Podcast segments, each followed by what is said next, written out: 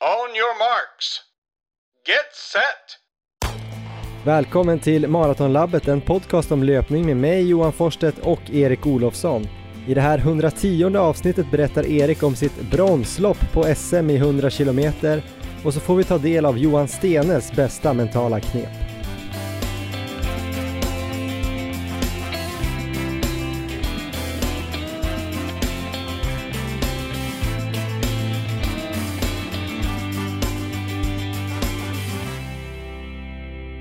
Ja men då ska ni alltså vara välkomna till avsnitt 110 av podcasten Maratonlabbet som görs av mig Johan Forsstedt och Sveriges tredje bästa 100 km löpare, bronsmedaljör på SM här för bara några dagar sedan, Erik Olofsson! Tjena Johan! Härligt att vi är här igen. Hur är läget? Det är lite sommarlovskänsla idag. Vart är du? Jag befinner mig i Bohuslän. Jag sitter just nu i en liten sjöbod. Det är tidig morgon här och jag blickar ut över vattnet. Det är soligt och lite molnigt och jag ser båtar och eh, ja, väldigt gemytligt skulle jag säga. Vart eh, är du någonstans?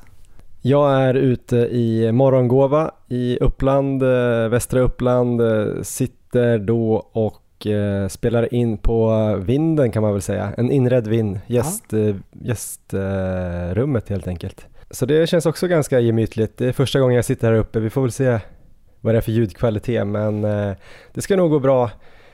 Ska vi hoppa rakt in på det som har hänt Erik? Du har alltså tagit ett eh, SM-brons, eh, ett riktigt SM-brons så att säga, ingen veteran-SM eller så, utan ett riktigt SM-brons. Du är inskriven i historieböckerna. ja, det känns ganska overkligt. Ja, trea på 100 kilometer. Overkligt säger du? Ja, det var känslan både under och eh, lite dagen efter. Eh, men eh, jätteglad. Det var ju en otrolig upplevelse hela den dagen. Så, eh, fantastiskt. Ja, det var kul. Jag satt och körde bil ner från Östersund men vi hade flera stopp, eh, både Ytterhogdal som du kanske känner till. Ja. Eh, sen var vi i Järvsö och badade och eh, ja, stannade och tankade då och då så jag följde liksom så mycket jag kunde på eh, både den här uh, friidrottskanalen där de visade liksom bilder från typ uh, två olika vinklar. Man kunde ändå se lite grann på stegen där på de olika deltagarna hur det såg ut och sen kunde jag då följa även uh, resultatet och sen så fick vi ju utmärkta rapporter från din support där nere också på vår Instagram. Så med alla de där tre olika kanalerna, eller vad man ska säga, så hade jag ändå hyfsat bra koll på dig under, under dagen det roliga var ju att det liksom tog aldrig slut. Du vet, vi körde från Ås då i, just utanför Östersund halv tio eller vad det var och sen så i Ytterhogdal efter två timmar så kollade vi lite så här. Ja men det ser ju bra ut liksom och så körde man lite mer och badade och sen fan de springer ju fortfarande. Hur går det? Så här, ja men det ser stabilt ut och så här, ja men nu ligger han ju trea, fan vad kul. Och sen så körde vi lite till och så skulle typ, eh, ja men typ när man börjar ska äta middag nästan så vad fan är de fortfarande igång här? Helt sjuk. Så det var jävligt kul. Eh, men hur kändes det för dig? Kändes det som att det var mycket löpning? Det var definitivt mycket löpning och framförallt en väldigt lång dag för det var inte slut bara för att loppet var över sen. Men eh, det var ju en härlig dag i Halmstad helt enkelt och eh, om vi går in helt enkelt på förutsättningarna där borta så var ju banan då, du har ju varit inne lite på den redan, men den var ju 975 meter lång så vi skulle göra 102 varv på den. Så det var alltså ett varv på en löparbana som var förlängd sen med ett varv runt en närliggande fotbollsplan. Och vädret den här dagen var ju varmt helt enkelt. Starttiden var klockan 08 men redan då var temperaturen över 20 grader. Och sen på eftermiddagen var det utlovat uppemot 27 grader och sol. Och jag hade ju kanske anat det här innan, eller i alla fall att det var risk för det, för att det var ju tidigt i juli och eh, det kändes inte helt orimligt att det skulle bli riktigt sommarväder på det här loppet. Så tre veckor innan så körde jag faktiskt ett pass i Uppsala där jag gav mig ut en sån här dag när det var faktiskt exakt 27 grader. Och då sprang jag fem mil på Slavstabanan, eh, det var alltså fyra kilometers varv då, i tänkt tävlingsfart här för SM på 100 kilometer. Och på det passet så körde jag mycket eh, vatten över huvudet, vatten över axlarna så ofta jag liksom hade möjlighet, för jag hade ställt ut väldigt mycket vatten då. Och sen så malde jag på. Och det passet eh, fick ändå upp självförtroendet. För innan har jag varit eh, sorry, alltid jätte, jätte dålig eh, på alla varma tävlingar. Men den dagen så fixade jag ändå det passet på fem mil i tänkt tävlingsfart, även om pulsen var väldigt hög på slutet, det ska ju sägas. Så rent mentalt så var jag inte så här helt knäckt över att det skulle visa sig bli en sån dag här på SM också, utan jag tänkte att det här kanske ändå är förberedd för nu. Men på så sätt skönt att det var en eh, tävling där eh, kanske placeringen var det viktigaste. Du har ändå snackat om tider i och för sig, men eh, just att SM också är så placeringsinriktat. Det är ju tråkigare när man bara ska åka ner och persa, för då är det ju värdelöst med sådär varmt. Men eh, nu kanske du tänkte att du hade förberett dig bättre än de andra på, på värme då? Ja, men absolut. Så, det, det, så var det. Jag insåg ju ändå att värmen skulle bli en väldigt stor faktor. Så jag och min flickvän Marie då, som supportade mig under det här loppet hade gjort upp en värmeplan som innefattade många olika delar. Så jag hade ju massor av vattenflaskor med mig själv som var så fyllda till bredden så att jag skulle kunna få en sån flaska. Jag skulle kunna dricka, jag skulle kunna hälla över axlarna, hälla över huvudet. Och sen så hade vi med en kylbag med kylklampar och massor av is. Dels för att kunna hålla de här flaskorna nedkylda och dels för att kunna springa också med is i händerna så att eh, kunna ha isbitar som man så drar över axlarna och eh, armarna och sådär. Och sen så hade vi en grej som eh, jag tycker egentligen visar sig bli den bästa och det var en kylhandduk. Det var alltså en handduk som blir kall när man blöter, vrider ur den och sen skakar den. Mm -hmm. Så vi hade satt ihop den med som en säkerhetsnål så att jag skulle kunna springa med den så här liggande över axlarna. Det finns en filmsekvens eh, från loppet på vår Instagram när jag springer med den där om man vill se hur det ser ut. Sen hade jag också eh, kepsar då som man kunde blöta ner så att eh, de var iskalla när jag satte dem på huvudet. Men vi hoppar till loppet helt enkelt. Loppet drar igång i Halmstad och det är ju två löpare då som drar iväg direkt. Det var dels Elof Olsson som vi hade med i podden förra avsnittet och var storfavorit till segern. Men även Anton Gustafsson som var debutant på sträckan, liksom mig. Men han har ju gjort eh, 2.27 på maran så att eh, jag visste ju att han var snabb. Ja, de stack iväg i rejäl fart alltså. Det, det var många meter till oss där bak eh, redan tidigt. Och bakom dem gick även Josef Hamber. Även han har ju gästat podden här för, ja det är väl ett par år sedan nu. Men även han mm. gick ut hårt eh, och jag hamnade i en grupp på tre stycken. Och vi ligger då tillsammans på plats eh, 4-6. Och där höll vi en fart som var ungefär mellan 4.10 till 4.15. Och det var mest jag som var uppe och drog. Och det jag märkte ganska snabbt här, det var ju att det var en sån otroligt härlig stämning. För att eh, på den här banan då, så man passerade ju löpare som man varvade. Och sen efter ett tag så mötte man löpare också på en punkt på mitten, där man gick från den här eh, löparbanan ut och skulle springa runt fotbollsplanen där. Så att det var, det var liksom som att alla hejade på alla och efter ett tag så började ju Elof, Anton och Josef att varva oss. Eh, och då hejade man också liksom på varandra. Så att det, ja, det var en, bara en sån här härlig stämning bland de som sprang och bland de som var med och supportade. Och det var liksom som att eh, en sån här kraft som bara bar fram alla. Det var riktigt läckert faktiskt. Och sen började jag ta då energi efter 40 minuter. Vi var ju inne lite på min energiplan här i förra avsnittet och jag tog min första gel helt enkelt där efter ja, knappt 10 kilometer. Och vi körde på med värmeplanen här varv efter varv och jag varierade blöt keps, vatten, is och den här kylhandduken då. Den gick för övrigt under kodnamnet Superman, så varje gång jag passerade och sa Superman så fick jag sen kylhandduken nästa varv. Så så rullade det på. Men sen fick jag göra ett snabbt eh, toalettbesök efter första halvmaran som gick på 1.29. Så då tappade jag väl kanske 30 sekunder och därefter så hamnade jag själv. Och det var ju faktiskt på ett sätt ganska skönt för att jag kände att jag hade ändå rätt så bra fartkänsla för dagen och det blev lite ryckigt när olika personer var uppe och drog. Det var ändå så att jag, jag kanske inte Eh, hängde på de andra två varje gång de gick upp, utan det blev ändå lite luckor fram och tillbaka, men vi återsamlades ofta. Men just efter halvmaran där så hamnade jag helt själv sen, eh, i princip ja, resten av loppet kan man väl säga. Värmen tilltog ju under dagen och jag märkte att jag började faktiskt tappa fart efter cirka 30 kilometer. Inte mycket, men från att ha legat då i början där på 4.10 till 4.15 så hamnade jag mer i så här 4.15 till 4.20 mellan eh, 30 kilometer och första Mara-passeringen ungefär. Och under den här perioden så passerade jag både fyran och femman. Så jag började ligga själv på en hyfsat stabil fjärdeplats i alla fall. Det var ju liksom långt upp till eh, topptrion. Men det som man också såg då hända i täten gjorde ju också att jag ändå inte hade gett upp så här hoppet om eh, medaljer. Eh, jag tappade konstant men det var ju väldigt, väldigt spännande för där hade ju Anton då gått ifrån Elov med rätt stor marginal. Och han mm. varvade ju till och med Elov där och eh, fortsatte ifrån. Såg du någonting av det när du fick rapporter eller?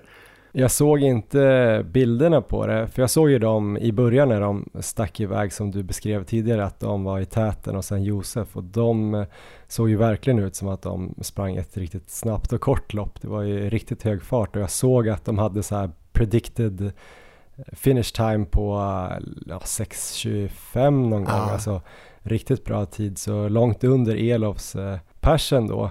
Men eh, där när eh, han varvade Elof, det såg jag bara på resultatappen liksom. Att, eh, så jag såg det bara tidsmässigt att han drog ifrån. Det gjorde mig ganska både förvånad och imponerad, men eh, man undrade också hur länge det skulle hålla. Ja, precis. Ja, mig varvade ju vid flera tillfällen, så vi hejade på varandra och han, han såg ju otroligt lätt ut. Det var liksom ingen, ingen, det är ingen snack om att han har kapacitet att springa otroligt bra. Men precis som du säger så hade de ju en, de gick ju mot en eh, tid om de skulle hållit hela vägen på, ja, ner mot Jonas Buds svenska rekord på 6.22.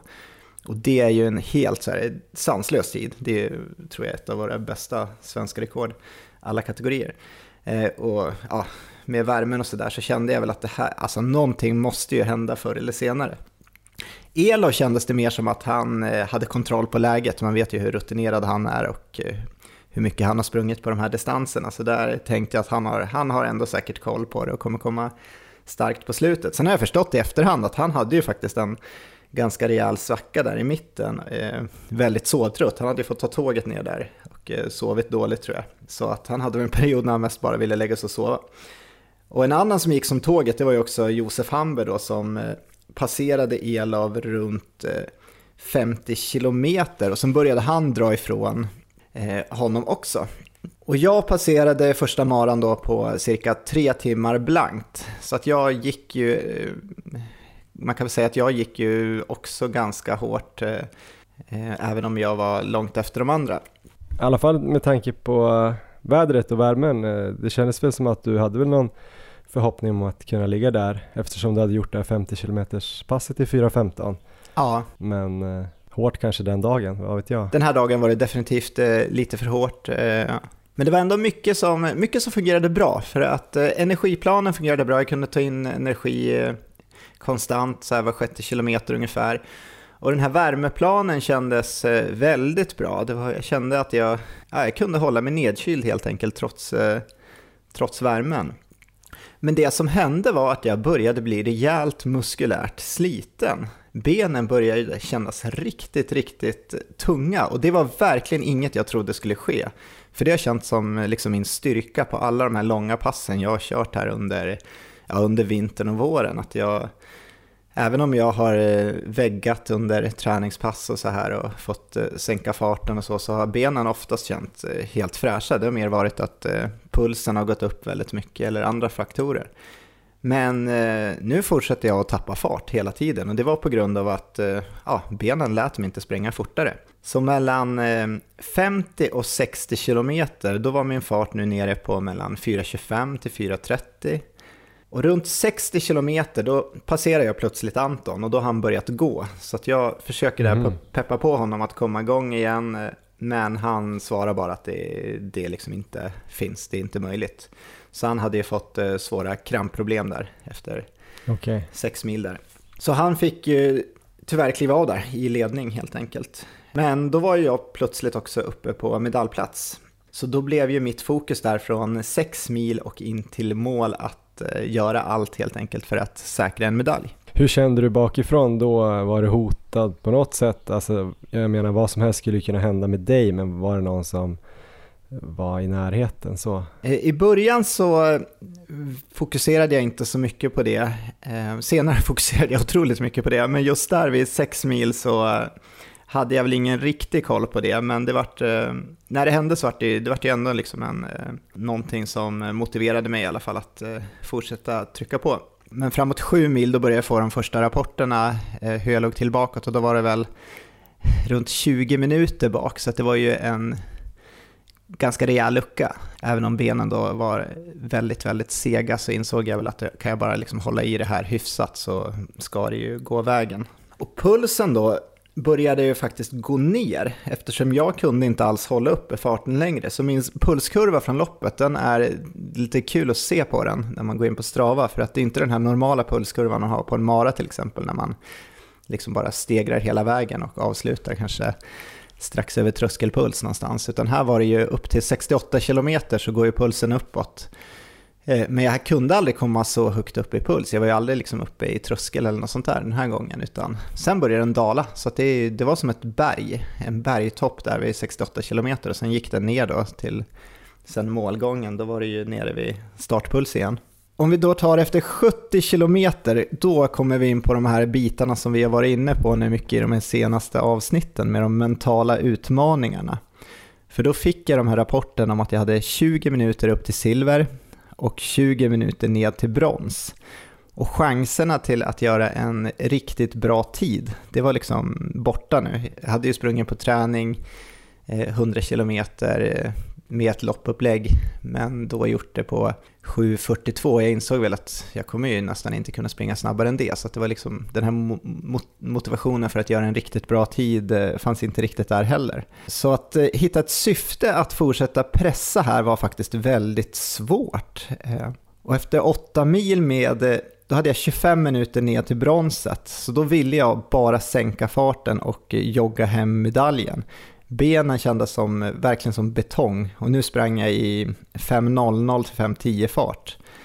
Och jag försökte ta till alla de här eh, knepen vi har fått då, att eh, försöka fokusera på nuet, att uppskatta att befinna mig i det här utmanande läget och fokusera på att liksom faktiskt springa där, att jag, att jag, bara det faktum att jag sprang om en SM-medalj, att försöka springa och njuta av det. Ehm, så alla de tankarna plockade jag fram, men hjärnan ville bara liksom sänka farten. Så jag fick rapporter om tid både till silver och fyra, men helst ville jag bara ha till fyran. Jag ville bara säkra bronset. Jag orkade liksom inte ens tänka på att uh, försöka jaga ikapp Josef. Då. Jag visste att Josef hade tappat fart där framme, för han sprang, jag fick rapporter om att han sprang i sexfart där ett tag. Så att, Eh, Eh, och jag började också, han hade ju varvat mig hela loppet, men i den här perioden så började jag springa om honom också. Ja, men det var ett tag där eh, som eh, jag fick också från Marie där om att du började ändå känna att du kanske skulle kunna ta honom eller jag skrev till henne att Josef såg riktigt trött ut så då kändes det ju så här, ja men börjar han gå liksom sista milen då går det ju att ta in 10-15 minuter eller vad det var just då men sen blev det väl ungefär vad det var till slut tror jag men då lät det ju lite som att trodde att du var på jakt där efter ett tag.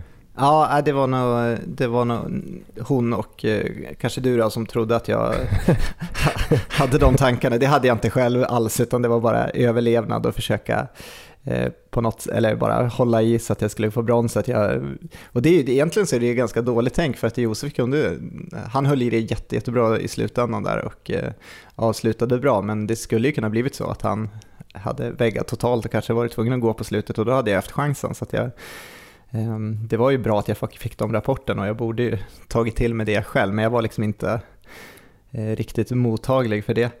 Eh, och under den här perioden, eh, där runt 8 mil någonstans, så började också damtäten passera mig. För i början så sprang jag ju om dem och varvade dem, inte med så många varv, men ändå med något varv. Men under den här perioden så började både dels då eh, Sofia Smedman som ledde loppet och Jessica Svärd som låg tvåa. Båda de började springa om mig. De sprang ju otroligt bra och väl eh, upplagda lopp till skillnad på hur mitt lopp var. Eh, så de höll ju en betydligt mer jämn fart. Och det blev som, inte för att jag tävlade med dem på något sätt, men där kunde jag ändå hitta någon slags här syfte att jag tänkte okej, okay, ja, men vi ligger nog ändå ganska nära. Jag kan ju försöka att eh, hålla uppe farten nu bara för att se om jag kan klara att hålla dem bakom mig. Så jag hade liksom lite de tankarna i alla fall och eh, försökte hitta de här små eh, små möjligheterna till någon slags motivation att eh, fortsätta trycka på även fast eh, jag låg i det läget jag gjorde. Men eh, till slut då i alla fall så vann ju då Elov Olsson herrklassen på 6.58. Han vände ju sin svacka där i mitten och eh, avslutade väldigt starkt. Alltså det var otroligt kul och imponerande att följa honom då på så här nära håll och få se när han eh, svepte förbi då och då och också den här perioden när han inte svepte förbi så på ett par mil faktiskt och sen så var det ju full fart igen på slutet. Så ja, det märks att han är, att han är rutinerad och eh, kan de här distanserna. Och sen så hade vi Josef, Josef Hamber då som tog silver på 7.26 och det var jag också väldigt imponerad av. Det är liksom riktigt starkt att hålla ihop det här loppet. Ehm, just med tanke på att han, han väggade ju hårt där efter 6 mil och eh, eh, att då vara nere och springa i sexfart ett tag och sen så ändå komma tillbaka så att han var ju nere i någon slags säkert 4.30 fart igen sista milen. Det, det var bra gjort. Eh, och min sista mil gick då i 5.30 fart med sanslöst tunga ben. Det var verkligen de här cementbenen som jag sprang på med där. Men till slut så var jag då i alla fall framme vid klockringningen och hade en kilometer kvar. Och när jag går ut på den då, för att jag hade ju liksom inte, egentligen inte koll på eh, damerna. Men då hör jag ju spiken ropa ut där att damledaren Sofia Smedman går ut 10 sekunder bakom, så det var ju klockringning precis bakom. Och då var det ändå, då fick man ändå någon slags tävlingsinstinkt där, så att eh, jag tänkte att ja, ja, men nu är det ett varv kvar, nu får jag väl eh, spurta det jag har. Så det gör jag, så sista varvet där så eh, eh springer jag i 4.00 fart från att ligga i 5.30 fart. Ehm, och eh, kommer in då 11 sekunder eh, före Sofia som vann damklassen. Så att det var väldigt imponerad över att se hennes insats där och även Jessica Svärd som tog silver då på, ja, hon var väl en 10 minuter efter ungefär och eh, Lina Karlsson vann brons. Så att det var alla de tyckte jag gör fantastiskt eh, bra upplagda lopp. Eh, och eh, sen så är jag väldigt imponerad över att se alla andra liksom, som springer och kämpar längs banan där med positivt sinne och sån här fantastisk kämpavilja och som är ute betydligt längre än oss andra där som gick i mål då. Ja, men det var mäktigt, det var en, sån här, en, en otrolig upplevelse. Just den här atmosfären och att vara, vara en del av det här när alla försöker hjälpa varandra in i mål oavsett fart och sluttid. Från liksom eliten där med Elov och Sofia eh, ner till de som springer på kanske nästan, nästan dubbla tiden så är det eh, just den här kraften där alla hjälper alla. Det var ja, riktigt läckert. Jag såg ju lite bilder och filmer efter, eh, från efter loppet. Eh, hur, hur kändes det då? ja, eh, efter mitt spurtvarv där då, jag vet inte om jag sa det, jag kom i mål på 7.47 till slut där på bronsplatsen då, så jag la mig ner direkt i gräset och eh, det kom ju direkt fram en man till mig och med ett formulär där, för då skulle jag med på dopingkontroll. Och det var lite kul, för det har man ju förstås aldrig gjort, så det var ju det tyckte jag mest var roligt. Men däremot så hade jag ju kramp eh, ja, nästan överallt så det var ju inte läge att eh, ställa sig upp och gå på någon kontroll då utan det högg till i baksida lår, framsida lår, det var vader och eh, under fötterna och eh, så jag, jag låg mest där och skrek och det var ju gassande sol och eh, ja, så där låg jag och han stod där bredvid tålmodigt och väntade. Och det där fortsatte. Det vart inte bättre. Jag fick lite Resorb, jag fick lite vatten. De försökte ge mig någon banan. Till slut så lyckades jag krypa, eh, eller mer åla mig under ett bord där de hade så här vätskekontroll. För det var det enda stället som jag kunde hitta skugga, för det började verkligen bli riktigt gassande. Så att jag låg där utslagen i ja, 45 minuter kanske. Mm. Eh, men sen var det dags för prisutdelningen och prisutdelningen var ju inte då inne där, där målgången var, utan den var utanför eh, vid supporten helt enkelt. Så det var väl ändå en sträcka på, ja, inte vet jag, 100 meter kanske att ta sig och jag kunde inte ens ta mig 10 meter. Så det kändes så här tråkigt, jag insåg att jag skulle missa prisutdelningen. Men då plötsligt kommer de, eh, några av funktionärerna där och eh, har hittat en vagn, en stor vagn, eh, som en av eh, killarna där drar. Så att eh, jag får åla mig upp på den där vagnen i alla fall och sen så började de dra, dra mig helt enkelt ut till prisutdelningen. Så, så så var det. Jag blev utdragen där i alla fall och mår ju skit. Eh, vill bara typ spy och får ju krampattacker titt som tätt. Men eh, på något sätt lyckas jag i alla fall eh, samla mig själv när det är dags för prisutdelning där. Så att jag, vi la ju upp en film där tror jag på våra händelser så att det är väl en del som har sett det. Och Eh, det såg väl säkert väldigt stelt ut och då gjorde jag verkligen mitt absolut bästa och det var ju en, jag tycker det var en ganska stor prestation att jag lyckades ta mig upp där för det var, det, det funkade ändå att ställa sig på prispallen men direkt när jag kom ner igen så var det ju kramp igen. Så, eh, så jag mådde inte toppen. Och sen så från prisutdelningen så var det ju vidare sen då till dopingkontrollen och det tog väl ytterligare 45 minuter innan jag lyckades ta mig den sträckan på 150 meter för att jag låg i gräset och eh, jag hade väl någon eh, påse med mig där som jag försökte spy i stundtals och det var riktig, riktig så här misär, lite som efter Rotterdam Marathon ungefär nästan. Och sen in på dopingkontrollen där man då skulle kissa 90 milliliter eller vad det är. Ehm, och eh, det var ju inte det lättaste märkte jag ju snabbt. Så eh, där vart jag kvar i drygt två timmar sen. Men efter att då ha druckit eh, tre flaskor vatten och några koppar kaffe och eh, lyckats i alla fall må lite bättre efter att ha spytt där i en eh, papperskorg. Ehm, eh, så kunde jag till slut i alla fall eh, ja, klara att eh, få fram de dropparna som behövdes. Så att, eh, men det var så härlig stämning där inne också. Det var ju några av de andra eh, medaljörerna som, som också var där inne och väl hade samma problem. Så att vi pratade lite och väldigt trevliga kontrollanter där som jag eh, pratade och diskuterade saker med. Så att det var eh, även det var en sån här bara rolig upplevelse ändå att få vara med om. Så, eh, trots kramper och illamående och allting så var det en, en riktigt härlig dag helt enkelt. Och sen så vill jag bara ge supermycket cred till eh, min support och Marie som gjorde ett otroligt arbete. Det var ett väldigt, eh, verkligen ett teamwork där. Hon sprang fram och tillbaka hela tiden där och blötte ner kepsar och gav mig is och eh, dryck och eh, peppande ord hela vägen. Så hon har en, verkligen en stor del av att det gick, gick så bra som det gjorde. Ja, grymt jobbat. Kanske krampkänning för henne också nästan? Ja, men det tror jag. Hon var lite sliten dagen efter här också. Så så har min dag, eller så, så var mitt lopp Johan, men det är inte bara jag som har eh, varit ute och sprungit lopp här eh, sista veckan. Det har även du gjort. Ja, fast det är nog bara du som har sprungit ett helt lopp. jag har ju DNFat här för, eh, jag tror det är första gången i ja. livet på en riktig tävling som jag inte har sprungit i mål. Eh, så jag vet inte hur mycket jag egentligen ska prata om det men jag skulle i alla fall springa 10 000 meter på Stockholms stadion. Det var långlöparnas kväll nummer två som var arrangerat av FK-studenterna då. Superhärlig kväll här i tisdags på stadion. Det var varmt och skönt. Eh, tror det var fem hit, eh, massa glada löpare som försökte persa.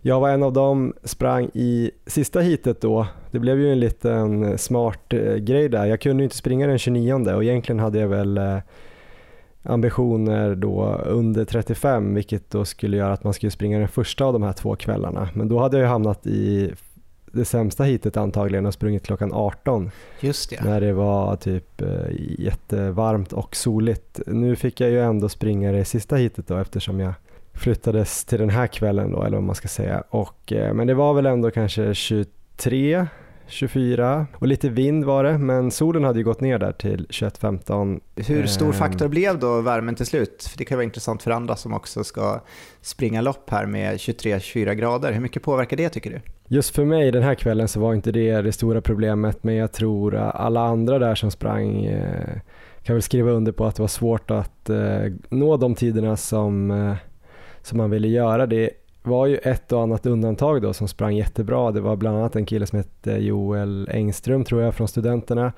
som gick under 34 i mitt hit. Det var en kille som skulle försöka göra 33.30, han krampade. Ja. Det var flera andra som krampade, alltså på 10 000. Det hör ju kanske inte till vanligheterna.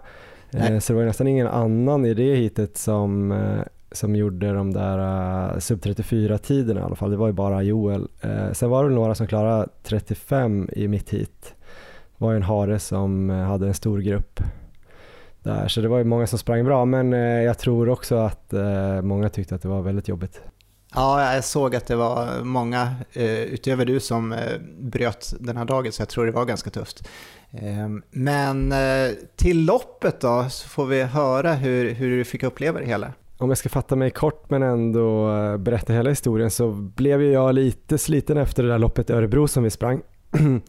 Eh, jag tror det gick en liten förkylning här hemma, eller det gjorde det, som jag drabbades lite grann av. Så jag hade väl en vecka efter där när jag inte kände mig hundra men jag ändå kunde träna.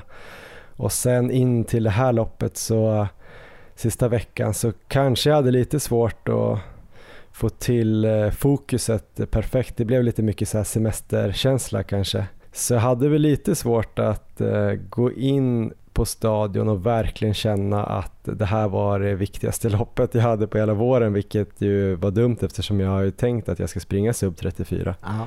Men det där får vi väl prata om när vi sätter mål inför hösten, att uh, verkligen hitta någonting som, uh, som man vill kampa för 100% och sen med tanke på att det har legat kanske lite som en grej hos många löpare, även hos mig, de sista, liksom, den sista månaden att det har varit väldigt varmt. Och när man bara då går efter tider och inte placering så blir det ju lite knäckande kanske att det tär lite på självförtroendet att veta att det kommer inte vara optimala förutsättningar. Aha. Jag tror kanske att jag skulle vilja haft 12 eh, grader eh, och hade behövt 12 grader för att springa under 34. Det har varit ett ganska hårt mål för mig ändå. Men eh, när jag väl, gick, när jag väl stod på startlinjen så då var jag ju fast beslutsam om att springa göra ett försök på sub 34 och inte anpassa mig någonting efter väder eller någonting utan jag hade snackat ihop mig med några killar innan där som också hade skrivit att de ville gå för 33.59. Eh, vi pratade om att vi skulle växeldra då, så att vi skulle dra två varv var på 82 varv. Just det. Vilket skulle bli då alltså 82 sekunder per varv. Det skulle bli 34.10 men då tänkte vi vi lägger oss där och så kan man då öka sista ja, fem varven kanske borde man kunna komma in precis under.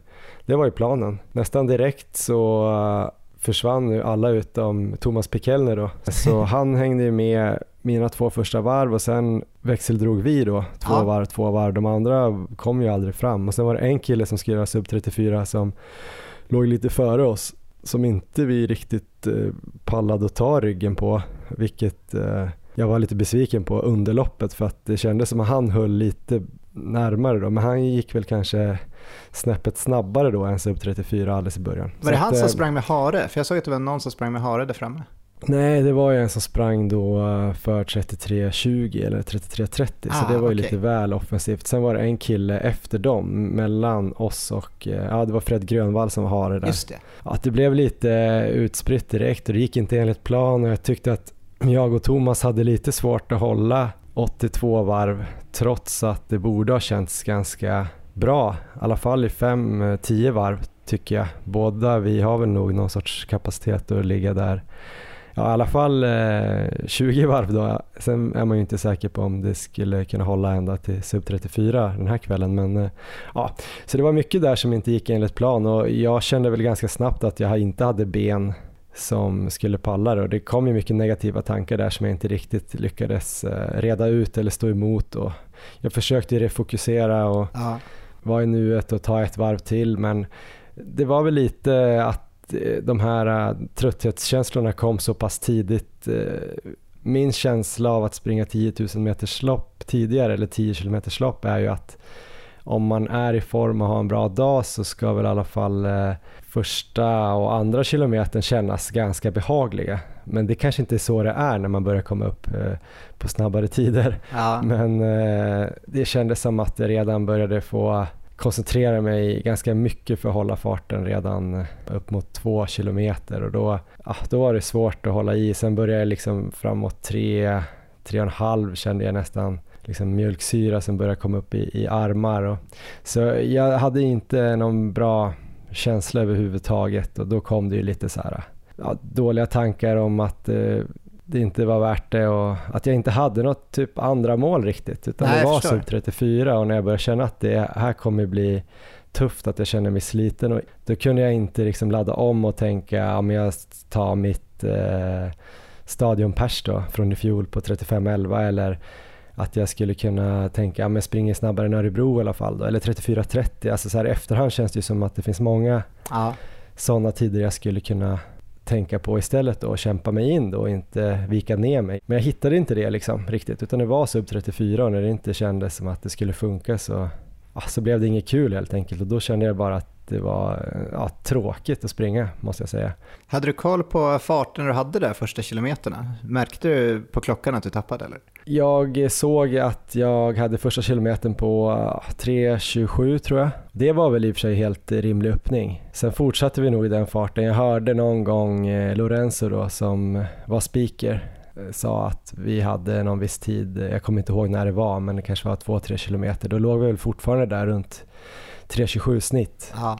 Så det var väl där vi låg och sen, eh, och det skulle göra 34-30 då, så visst skulle jag kunna kriga mig kvar där i krokarna och sen eventuellt hitta några krafter på slutet så skulle det ju varit en, en fin tid såklart och jag skulle säkert kunna ta med mig den framöver men det kändes så dåligt så att det var nästan känslan av att jag hade något i kroppen eh, Ja som inte stämde riktigt. Nej, det var ingen, ingen, ingen jättekänsla så efter typ, eh, jag tror det var 4,4 eller något sånt där, 4,5 då tog jag beslutet att bara jogga rakt ut, eh, fortsätta rakt ut eh, mot Liljanskogen där.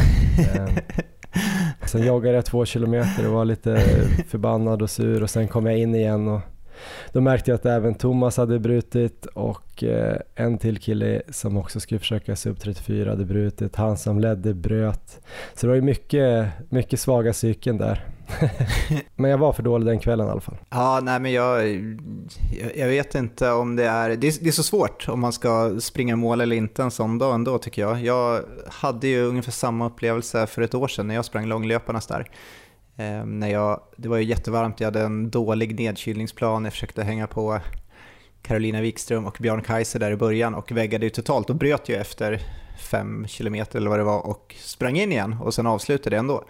Ehm, och eh, i efterhand vet jag inte om jag riktigt eh, känner att det var helt rätt heller. Det var inte så att jag var nöjd med tiden som jag kom in på eller så. Det var en helt fruktansvärd upplevelse. Eh, det är klart man kan få med sig en del positiva bitar av att inte bryta kanske, men många gånger tycker jag det är rätt att bryta också. Till exempel har man ont eller sådana delar så tycker jag aldrig man ska springa i mål, men just i det här läget då så det är klart, det är väl bra att fighta sig in hela vägen, men eh, det, det är svårt när man inte har det där, kanske har det där klara syftet. Så att eh, i det här läget hade det nog varit bra för dig att ha någon, någon slags eh, B-mål och C-mål att eh, sikta mot. Eh, samtidigt som jag tycker det är helt rätt att gå all in för det här stora målet som du hade ändå.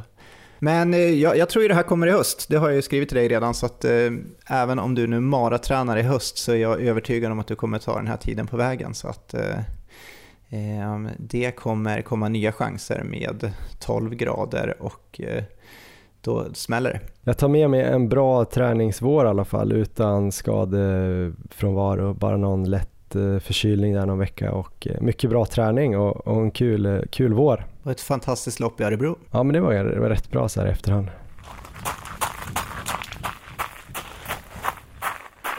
Vi är väldigt glada för att Sveriges bästa och största butikskedja för löpning vill samarbeta med vår podd här, Maratonlabbet.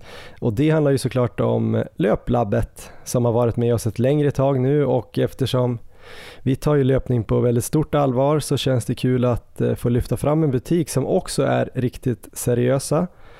I de här åtta butikerna runt om i landet så jobbar eh, bara folk som själv springer och är intresserade av skor och andra löpprylar.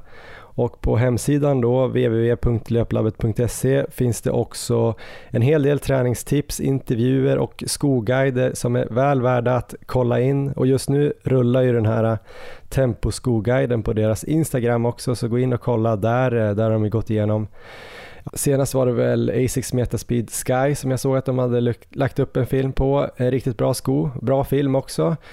Och just idag när det här avsnittet släpps så är faktiskt deras då marknadschef och eh, demonvideoproducent eh, Bjarne Koning på plats på Anderstorp för att bevaka SM där då på 10 km. Det är också en halvmara där och flera av er som lyssnar ska säkert springa idag. Tror du att de lyssnar nu på morgonen förresten Erik, innan, ja. innan de ska springa? Ja. Kanske det... fick lite värmetips av dig där då? ja, det är bra. Eh, Löplabbet är ju med och sponsrar den här tävlingen och eh, tillsammans med Saucony kommer de också ge bort fyra par Saucony Endorphin Pro 2 till några som har stått för extraordinära prestationer under dagen. Till exempel då som eh, din support, Marie då kanske, skulle kunna få ett par skor eller ja. du själv från eh, Halmstad där. Men eh, de här extraordinära prestationerna behöver alltså inte vara från personer som typ vinner tävlingarna utan det kan vara någonting som gör att eh, ja, man kommer ihåg dem helt enkelt. De kan få ett par Endorphin Pro 2 eh, som är en riktigt bra sko och det här är ett kul initiativ från Löplabbet då och Saucony. Eh, så tack Löplabbet!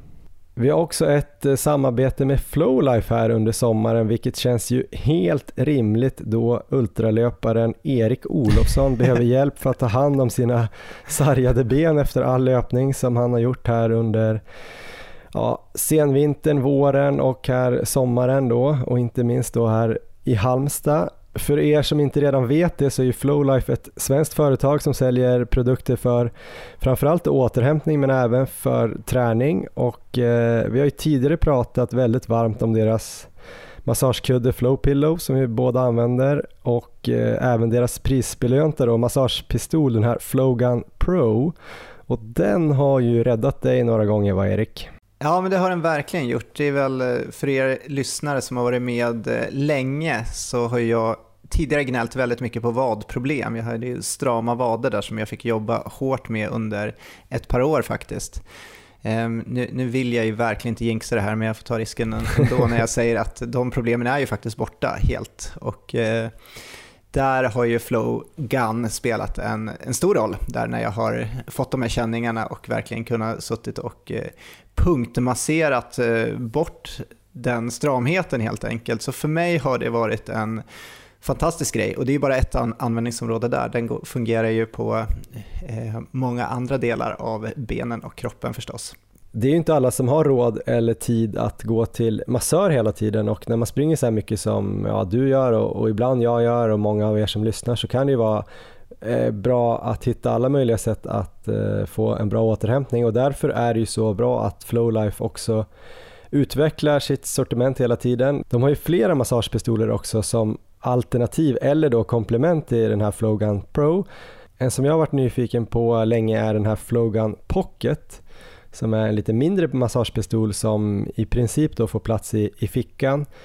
Kanske lite mindre kraftfull än Pro men mer portabel för att ta med då på semestern till exempel om man sitter i en sjöbod i Bohuslän Eh, eller som man kanske kan ha med inför lopp eller liknande om man vill liksom mjuka upp inför lopp så kanske det är lite lättare att ha med den i fickan.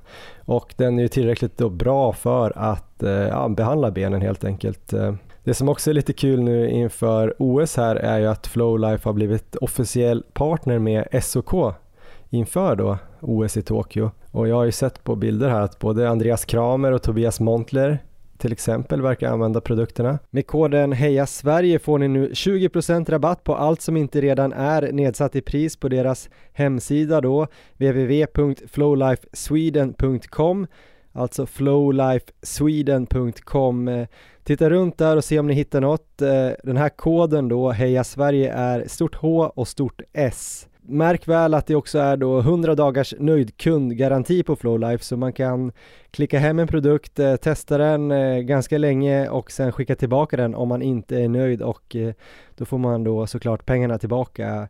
Tack Flowlife!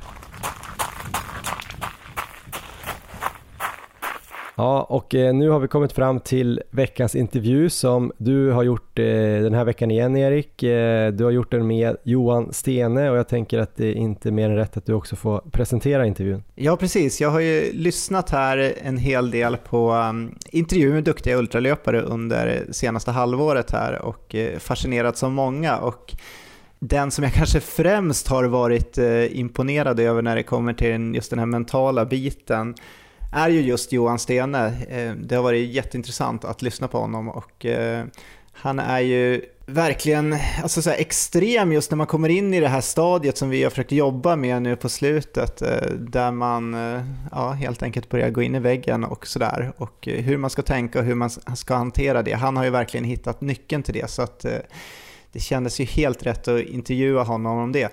Och för de som inte redan känner till Johan Stene så kan vi nämna då bland annat att han har ju tagit VM-brons på 24 timmars löpning, eh, svenskt rekord där med dryga 26 mil.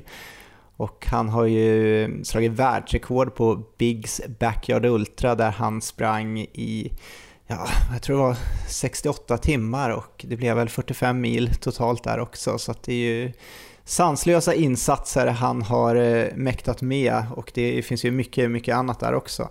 Och den här intervjun eh, tyckte jag blev väldigt intressant och här eh, finns det många godbitar att ta med sig oavsett vilken distans man satsar på. Så här kommer en intervju med Johan Stene. On your marks. Get set. Välkommen till Maratonlabbet Johan Stene. Tack så hjärtligt. Härligt. Ja, kul. Vi har ju gått igenom en lång lista här med dina meriter i avsnittet innan intervjun och då har vi allt från svenska rekord och världsrekord till VM-medaljer. Vilket lopp och prestation känner du dig mest nöjd och stolt över? oh, hjälp vad svårt att svara på. Jag, ja, men jag, det är klart att det var jättestort att få vinna brons på ett eh, VM såklart. Ja. Eh, men jag har, liksom känslomässigt har jag gjort lopp som inte har betytt något på pappret men för mig har varit jätteviktiga liksom sådär milstolpar i, man ska kalla det för en löparkarriär, men liksom i alla fall liksom i, i min utveckling som löpare så man, genomgår man ju vissa stadier sådär och vissa av de där loppen som jag ställt upp i och lyckats nå mina mål, de har betytt jättemycket just i stunden sådär. Det, det är ju sånt man bär med sig och då kanske det inte ens har varit en medalj liksom. Så att, det är lite, lite svårt att svara på, men, men det är klart att eh, VM-brons är superstort. Eh, också lopp som har blivit uppmärksammade i, i ultralöparkretsar som där Bigs Backyard när vi sprang 68 timmar där jag och Courtney. Det var, det var ju... Det är svårt att, att inte tala om det heller såklart. Det var ju superhärligt. Var det något speciellt som fungerade extra bra vid de här tillfällena? Om vi tar de här två, två loppen, 24-timmarsloppet och eh, backyardloppet. Mm. Ja, det är något med, att, med, med inställningen då i huvudet, att, att det känns...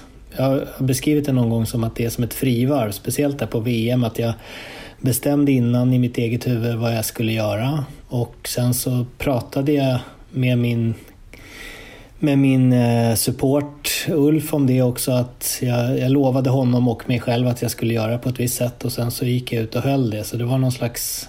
Jag slog om en switch i huvudet och så lyckades jag liksom ha den switchen på samma ställe hela tiden och bara leverera på det, på det målet eller på den ansträngningsnivån som det handlade om då. Eh, och på, på backyardloppet var det lite annorlunda. Då kom jag in inför loppet med höga ambitioner och någon slags piska på, på det mentala att jag ville prestera väldigt bra och vara med på slutet. Men sen så gjorde resan över till USA som gick väldigt dåligt. det kom, blev mycket förseningar och sånt där så att jag fick verkligen en jättedålig uppladdning inför och då, och då sänktes, ja, då, då, blev jag först lite sur och eh, besviken på att det skulle gå dåligt då för att jag hade så dåliga förutsättningar. Men det gjorde också att jag sänkte ribban för vad jag ville vara med om och då blev det mer att jag bara ville vara där och ha kul.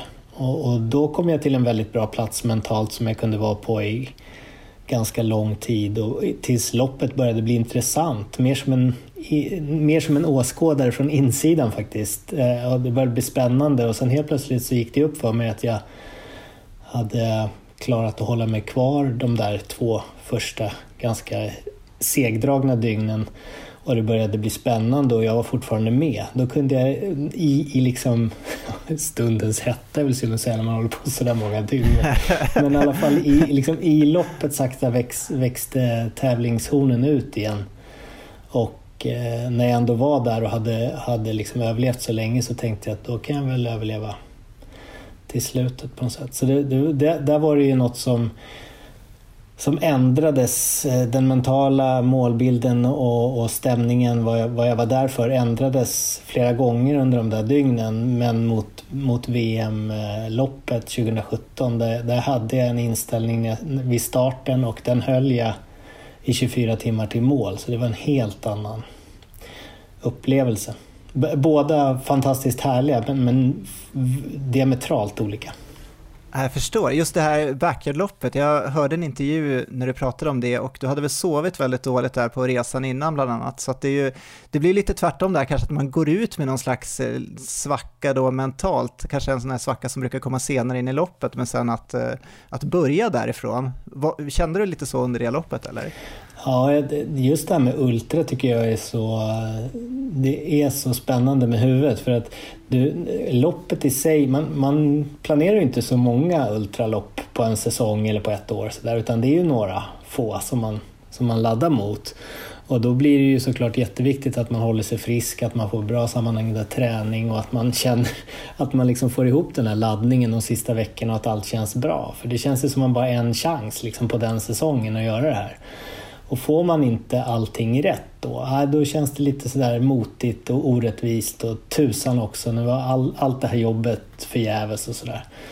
Men eh, det är ju inte så, utan det där är också en del av spelet, att tåla de där, att, att det inte blir precis som man har tänkt och planerat och lagt upp schemat, utan att man måste anpassa sig efter verkligheten hela tiden. Så det, det tycker jag har varit för mig i alla fall en, en, en jäkligt bra eh, sak att, att, lära sig som, som funkar på, må, på många saker i livet, inte bara på löpningen men absolut på de här löploppen. Att, eh, dels inför, att det inte alls blir som man har planerat, speciellt om man ska resa. Då, då, då finns det ju strul på vägen. Men, men också det här under loppet, att det kanske inte finns mat och dricka precis när man vill. Eller det, man, man kanske inte kan springa så fort som man hade tänkt sig just de där timmarna i den där terrängen. Utan man måste hela tiden omvärdera och anpassa sig efter, efter verkligheten. Ja, det är väldigt fascinerande. Vi har kommit in här redan på precis många av de sakerna jag vill ta upp. Jag har ju i år bestämt mig för att prova på ultralöpning med målet då att springa ett 24 timmars lopp. Och eh, jag har ju de här förberedelserna lyssnat mycket på intervjuer med duktiga ultralöpare. Och när jag har lyssnat på intervjuer med dig så har jag imponerats av mycket, men framförallt just den här mentala biten. Så det är det vi ska försöka fokusera på här idag. Eh, och jag har en fråga då just när det kommer till eh, 24, 24 timmars lopp till att börja med. En svår fråga att svara på såklart, men hur många procent om du själv skulle få säga tycker du handlar om den mentala biten gentemot den fysiska biten? Det är, jättevan, det är, en, det är en vanlig fråga. Jag tror jag ställer den till mig själv också.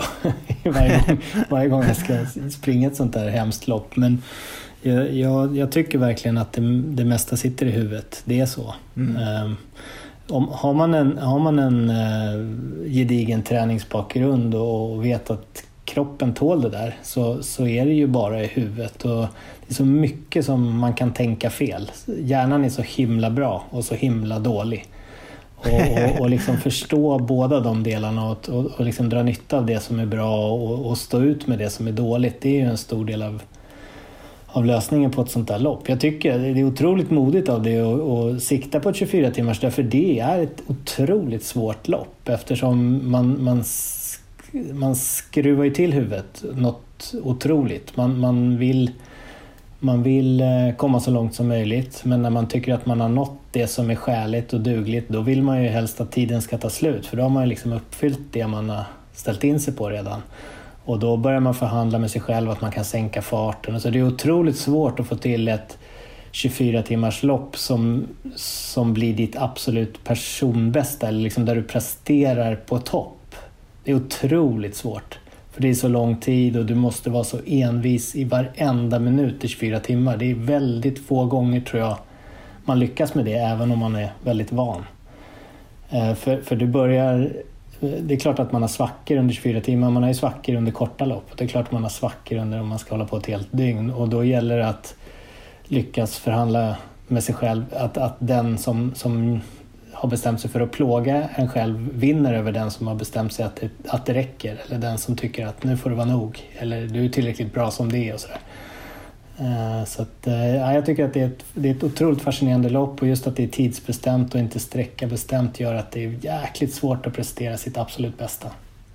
Ja, det har, jag, det har jag börjat inse mer och mer. Jag visste ju det här från början också, men jag har ju verkligen fått känna på det när jag provat att springa längre. Men vi kan gå in lite mer på just den här känslan, för den tycker jag är intressant. Det är ju säkert en känsla som, eh, som många känner igen. Det kommer ju på alla distanser, men eh, kanske lite olika form, just det här om det går lätt i början, men sen så mm ju längre man kommer in i loppet sen så kan det liksom börja vända, den lätta känslan försvinner och man kommer in i det här stadiet där man får bryttankar och allt liksom känns förjävligt. Mm. Um, och jag tycker du har beskrivit det väldigt bra när du har sagt att man blir en liten ynk. Ja. Vad, vad, vad, händer hos dig i ett lopp när det, när det liksom kommer in där, när det börjar ta emot och när du blir en liten ynk? Fysiskt och mentalt och eh, hur brukar du hantera det tillståndet? Ja, det är också oj, så otroligt svårt att svara på. Men, men på något sätt så de här långa loppen så upplever jag i alla fall att man längtar nästan till att, det blir, att man blir en liten ynk. Eller hur man ska uttrycka det, att man har kommit till den punkten när man har kämpat sig igenom alla de här timmarna som krävs för att bli så utmattad så det faktiskt är, man har kommit till det läget där man måste kämpa hela tiden. Ehm, det är en, en lång bit av det där innan är ju en typ av transportsträcka men det går inte att leka bort den transportsträckan utan den är ju också jätteviktig att man ligger på en ansträngningsnivå som gör att den här kämpa, kämpadelen sen faktiskt, att man kan prestera under den också så att man inte är som en, som en urvriden disktrasa då, utan, utan det måste finnas något kvar hela tiden. Så att man måste ha ett otroligt tålamod och disciplin under den delen som där, där det går förhållandevis fysiskt lätt i alla fall. Eh, och och det, det, sen kan man ju bara hoppas under den perioden faktiskt, och det här blir också lite dubbelbottnat, men att den perioden blir så lång som möjligt, att det blir många, många mil som går lätt innan det börjar göra ont eller innan det börjar bli trögt. Ja, precis. Eh, men, eh, och sen när man har kommit till det här läget att man blir en liten ynk, ja då är det ju att stå ut och liksom det handlar om, det, för mig är det i alla fall acceptans. Att acceptera att så här är det just nu och det får vara så. Det är väldigt svårt att beskriva det annat än att, än att eh, man får vara där och göra det bästa av situationen just nu. Alltså det handlar om att vara i nuet och acceptera hur det är. Och den acceptansen är inte, det, jag, när man får till den rätt, då är den ju fantastisk för då behöver det inte finnas något slut på den. Då är det så djup acceptans att då är det liksom, jag är den här punkten i universum just nu och jag plågas så här mycket. Och det är okej. Okay. Finns det något slut på det? Det tänker jag inte på. Finns det någon början på det? Det tänker jag inte heller på. Utan jag är här och så här är min tillvaro just nu och det är okej. Okay. Eh, det låter som att, jag är någon, att, att liksom det här är självklart när man kommer dit. Det är det absolut inte. Det händer ju väldigt få gånger. Men när det väl händer och man hittar den där djupa acceptansen då är det något pusselbitar som faller på plats och då kan man fortsätta eh, och, och, och, gnugga vidare fast man är en liten ynk. Då. Eh, men, men jag tycker att det är, en, det, är en, det är något som jag det var, det var nog det som jag strävade efter när jag började springa. Alltså inte att bli en liten ynk, men att se var mina egna gränser går någonstans. Och sen så kommer man dit och så känner man att man är väldigt avskalad och det finns inget mer än att bara kämpa i nuet. Det blir väldigt rent liksom. Men jag tycker det där låter helt fantastiskt och eh, det, ju, det, skulle vara en dröm för mig att liksom känna så. Men jag kan tänka mig att jag själv känner att den här transportsträckan fram ändå är ganska behaglig. Men sen när man kommer dit så blir det lite som en chock och ja, på något sätt att man, man vill bort därifrån. Jag, jag önskar att jag skulle kunna ha den liksom, mentala styrkan också, att jag skulle kunna ha den här acceptansen. Vad har du lärt dig under din karriär som, jag, som gjort att du nu kan liksom känna så och hantera det bättre än vad du kanske gjorde under Eh, dina första tävlingar? Erik, jag är, jag är lite orolig nu att jag inte vet hur man gör längre för nu har det varit, nu har det varit pandemi och jag har inte kunnat testa och, jag, och det här har faktiskt varit under hela tiden jag har sprungit långa lopp att inför ett sån här stor strapats har jag alltid tvivlat på mig själv. Jag har alltid undrat, kom, jag kommer inte ihåg hur det var, undrar om var det verkligen jag som gjorde det där förra gången? Så, där, så att, eh, det, det, det är nog en naturlig känsla men, men det är alltid det är ju att man har gjort det förut som gör att man blir bättre på allting, även på det här. Och att, eh, som du hör, jag svamlar en hel del. Det är svårt att sätta ord på det här för jag kan inte riktigt göra det. Eh, men jag tror precis som allt annat att få göra saker flera gånger och, och, och lära känna sig själv. Och, och, då handlar det både om hur kanske första gångerna hur, hur ont det gör i musklerna och lederna och muskelfästena och benstommen liksom verkar. Tills att när man har provat det ett par gånger så vet man ju att det blir ju inte värre än så här. Det går ju att stå ut med. Men sen så ska man ju faktiskt Eh, stå ut med sig själv. Helt enkelt tanken på att man ska ligga på samma ansträngningsnivå fast man verkligen inte vill längre. Ingen, det finns ingen motivation för det längre. Och så liksom hitta någon gnutta motivation ändå bakom det där. Det är ju det som blir något som man måste prova för att känna om, om man hittar det på något sätt. Ehm, det är ju det är inte som en, som en sprinter som kan öva 10 000 starter för, för att gnugga bort eller fila bort de där små skavankerna som gör att man förlorar någon tiondel här och där. Utan på ett, på ett 24 timmars lopp så har man bara så många i livet och, och då, då måste man våga även första och andra gången känna efter på riktigt och tänka och, och försöka lära sig och, och liksom även ta till sig svagheterna och inte tänka bort dem utan liksom njuta av dem också. Njuta av, tänk att jag blev sån här liten ynk. Tänk att jag inte orkar fast jag vet att någonstans att jag bara har förvandlat, förhandlat med mig själv som gör att jag går nu istället för att springer. Jag kan ju springa och så testar man igen och så märker man det går ju. Men, men det är ju, om man är på en 24 timmars lopp första gången så vet man ju att det är många som, som förklarar varför de bröt. Eller varför de inte presterade på den nivå de hade tänkt eller planerat. Det är ju det vanligaste man pratar om där. Man pratar inte om jäklar det gick mycket bättre än vad jag hade tänkt.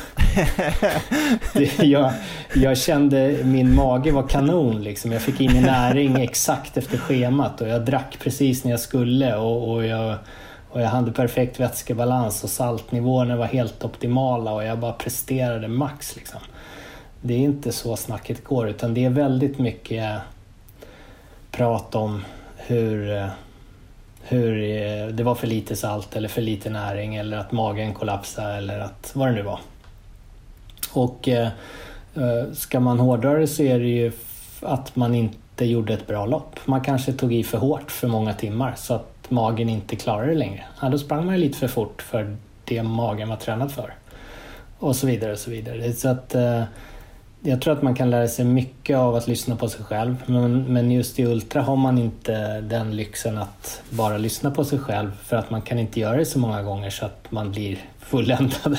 man blir aldrig fulländad. Men alltså, så man, eh, jag tror att i, i Ultra är så härligt också att man måste liksom ha kompisar att prata med och lyssna på när man själv gnäller och när de gnäller och, och ta in gnället och liksom analysera gnället. Varför säger man så? Varför har så många problem med energitillförsel, varför ha så många problem med vad det nu kan vara. Liksom. Och så får man eh, klura på det och prata med varandra och, och, och lyssna. Vad, vad käkade du när det gick bra? Vad käkade du när det inte gick bra? Hur ofta åt du och vilken fart hade du? Och så, här, så man eh, får lära av varandra för det är nog enda chansen om man ska slippa göra 10 000 ultralopp Ja, det låter som väldigt bra tips. Det har jag försökt göra här också, att fråga, fråga alla jag stöter på som har, som har upplevt det här. För det känns ju, det är ju, även om jag har försökt springa långt och så på träning, så man kommer liksom inte upp i det här stadiet ändå. Det... Nej, man gör inte det. Och, och tävlingssituationen, det vet man väl även om man är van att springa korta lopp, så, så är det annorlunda att springa allt vad man har 10 km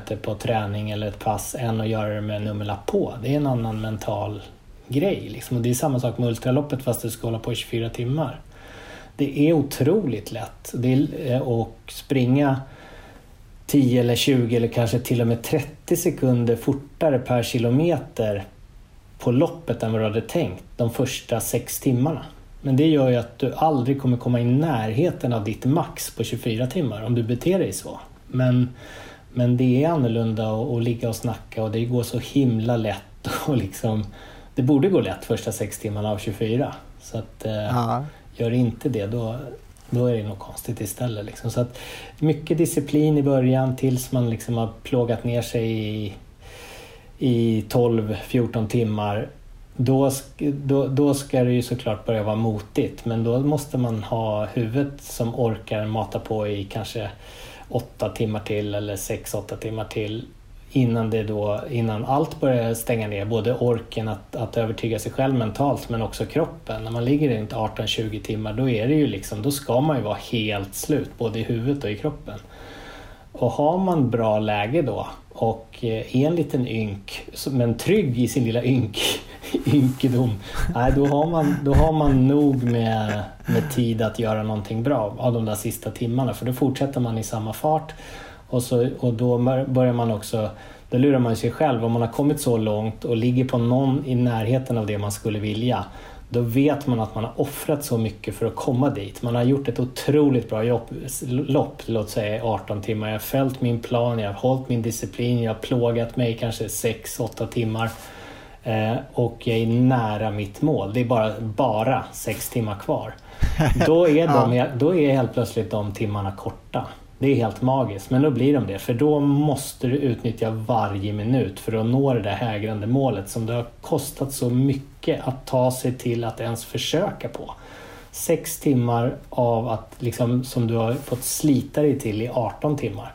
Det är där man hittar någonting i huvudet som gör att fan nu kan jag plåga mig supermycket i, i eh, en kvarts dygn. För att jag har, jag har plågat mig själv allt vad jag kan enligt plan i tre kvarts dygn. Om vi går in i just det här stadiet, om vi är där, vi säger där vid 18 timmar ungefär. Om du fick plocka ut några så nycklar då, mentala strategier som man skulle kunna ta till där när man är en liten ynk och helt enkelt. Eh, finns det, finns det någonting du brukar tänka på eller som du skulle kunna rekommendera att man fokuserar på? Det som är för mig så är det att vara just här och nu. Alltså att inte tänka framåt. Det är förödande för mig. Att tänka på de där sex timmarna eller bara på en timme framåt. Utan att springa just här. Och försöka hålla eh, en tillräckligt modig ansträngningsnivå. För på den här, vid det här laget, för mig i alla fall, då är, liksom, då är det nästan max ansträngningsnivå som, som är det modigaste. Alltså för då går det så sakta om man har om man har tagit ut sig liksom till dess. Ja. Så att då är det mest att stå ut med det här, eh, ja, med det som är. Både med att fortsätta plåga sig, övertyga både hjärna och kropp om att fortsätta. Eh, och sen ja, det fysiska och, och liksom det som faktiskt är utmattande, att, att syresätta och fortsätta förbränna energi och sådär. Så att eh, man är, ju, man är ju bara en maskin då, väldigt, väldigt nak, ett väldigt naket djur som måste fortsätta piska sig själv. Eh, så att jag, jag har nog ingen annan strategi där än att eh, om man börjar tänka som en fungerande människa igen, som, en, som, en civil, som ett civiliserat djur, då skulle det vara svårt för mig, och då slutar jag. Då, då, då känner jag ju efter att vänta nu, nu kommer jag få feber, nu kommer jag lägga mig i fosterställning och behöva dropp här snart. Liksom. Nu lägger jag mig ner. Så det är mer att eh, vara bara här och nu och, och ha bestämt mig innan att så här ska det vara. Och det är fine, för det är bara idag. Det låter superbra. Ett annat scenario som jag funderar på, för att just det här dagsformen kan ju avgöra mycket hur ett lopp går och springer man kanske 10 kilometer så kan man prestera ganska bra ändå även om man har en sämre dag. På maraton så blir det lite tuffare och krävs en del för att prestera bra. Men just vad gör man på ett 24 timmars lopp om man bara efter ett par timmar känner att man inte har dagen och att det går mycket tuffare än förväntat? Har du varit med om det för övrigt? Ja, det, det, ja, det, ja, det absolut. Ja, och det är ju inte inget det är ju så självklart som det kanske låter när jag säger det. Det, är ju liksom, det, finns, det handlar väl mycket om att bara acceptera läget som det är just idag eller vid den här tidpunkten och så försöka göra det bästa av situationen. Och det, det går ju inte alla dagar givetvis. Men jag tycker för mig hjälper det att tänka innan att man kan inte bestämma hur det känns. Utan det kan kännas dåligt efter tre timmar. Ja, det var ju otur då. Men då var det så. Eh, då får man göra det bästa med det. Eh, det, det man vet säkert är att ingen kommer att ha liksom en, en smooth ride i 24 timmar i alla fall. Så att, men, men, det är klart att det är superjobbigt om man har sprungit eh, fyra timmar och man känner att låren börjar stumna och sådär. Då vet man ju. Och, och då är det lätt att börja tänka framåt, det som jag verkligen inte tycker man ska göra. Utan då börjar man ju såklart, så funkar man ju. Då börjar man ju tänka, tänk, åh det är bara gått fyra timmar. Jag, jag hade hoppats att det skulle kännas så här efter åtta. Och så är man inne i en negativ spiral. Och då måste man kanske acceptera att ja, nu kom det sådär töntiga tankar som håller på att dra ner mig. Då, får jag, då tänker jag på dem och så hoppas jag att de släpper och så vet jag att det kan bli bättre snart om jag bara låter tankarna vandra och, och försöker släppa in något positivt så småningom. Eh, men eh, jag har liksom inget jag skulle så gärna vilja ha ett hemligt recept som gjorde att det gick lätt, men jag har inte det. Jag har. Fast jag tycker det låter som det ändå. Jag tycker det är väldigt bra tankar som jag kan ta med mig. Ja, så... men jag, jag försöker tänka på, på mycket det här som jag tjatar om att vara i nuet och jag vet, vad, det, vad det betyder vet jag knappt själv jämt. Men, men sen också det här att när det kommer tankar som drar ner en, vilket jag tycker det gör jämt, så, så försöker jag att inte liksom vara orolig för det eller tänka jävla skit, nu kom de här tankarna, nu är allt förstört. Utan mer bara acceptera att det kommer sådana tankar och veta att det kommer sådana tankar och veta att de kan försvinna snart och så kommer något bra istället. Och för så funkar det om man håller på länge. Ja. Och, sen, och sen så tror jag att vad det gäller kroppen, man, det är ofta det som som jag tror tankarna kommer tillbaka till att det här är något dåligt för min kropp på riktigt. Alltså, det är det som kan, man kan övertyga sig själv om att nu ska jag bryta eller nu ska jag inte springa så fort för att det här blir något dåligt. Det här, nu, nu eh, gör jag nog illa mig själv. Det är ju bara, det är ju bara svaghet. Det, det, så är det ju inte. Man kan ju springa tills man välter liksom, och det är ju väldigt få som klarar av det. Ja, jag, tycker, jag tänker avslutningsvis här skulle jag vilja ta upp eh, ett par av dina lopp från karriären, både fantastiska prestationer och mindre bra insatser, så får du beskriva just hur den här mentala biten gick lite under, under de loppen, om du kom in i någon svacka, hur du hanterade den och om det fanns någonting som du skulle gjort annorlunda i efterhand. Så vi tar lopp nummer ett, ultradebuten, Lappland Ultra 100 km. Berätta lite om den upplevelsen. En av mina största ultraupplevelser. Jag, fick, eh, jag hade sprungit Stockholm Marathon ett par veckor innan och eh, kom i mål men var helt slutkörd. Tänkte att jag aldrig mer skulle springa, att, eller var glad över att jag aldrig mer behövde springa så långt i hela mitt liv. Men fortsatte läsa om Ultra och man glömmer ju så fort som tur är så jag åkte upp, anmälde mig sent till Lappland Ultra då som gick i Adak och eh, Eh, startade en fredagkväll vid 10 och så hade man 20 timmar på sig för att gå i mål. Så jag gott om tid på 100 km landsväg, 5 mil grus, 5 mil asfalt runt en sjö. Och väldigt litet, väldigt familjärt eh, sådär. Och eh, då 30 startande. Och då var Rune Larsson där handskriven på startlistan längst ner och det var... Hade, han hade liksom, jag hade läst om vad han hade presterat och han var liksom min idol så att jag var helt starstruck och så jag sprang iväg och pratade med honom. Tyckte att det var helt fantastiskt att jag kunde åka upp i Lappland och träffa Rune Larsson liksom i, min, i mina ögon. Sveriges eh, bästa idrottsman liksom och då... Ja så sprang vi och bubblade där och det kändes helt fantastiskt. Men då efter tre mil eller något så, så sprang jag ifrån honom. Jag har en viss... Eh, jag överilade mig själv lite. Men det som hände var i alla fall till slut att jag kom, lyckades baxa mig till 8,4 då var det en sån vätskestation där. Och där, då hade det blivit jättedåligt väder och jag hade gått ett par mil längs den där landsvägen. Det var, då var jag verkligen en liten ynk. Jag hade lånat en jacka av en funktionär och sådär. Så att jag var kall och trött och förstod inte vad jag gjorde där och varför jag inte var i trygg och varm miljö.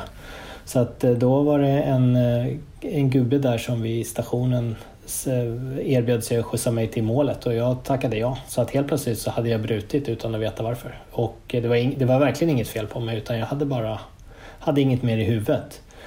Eh, och såg då, medan jag satt i bilen med en filt eh, virad runt mig, hur mina medlöpare som fortfarande var kvar i loppet kämpade sig fram längs vägrenen i ösregn och blåst och liksom fullkomlig misär.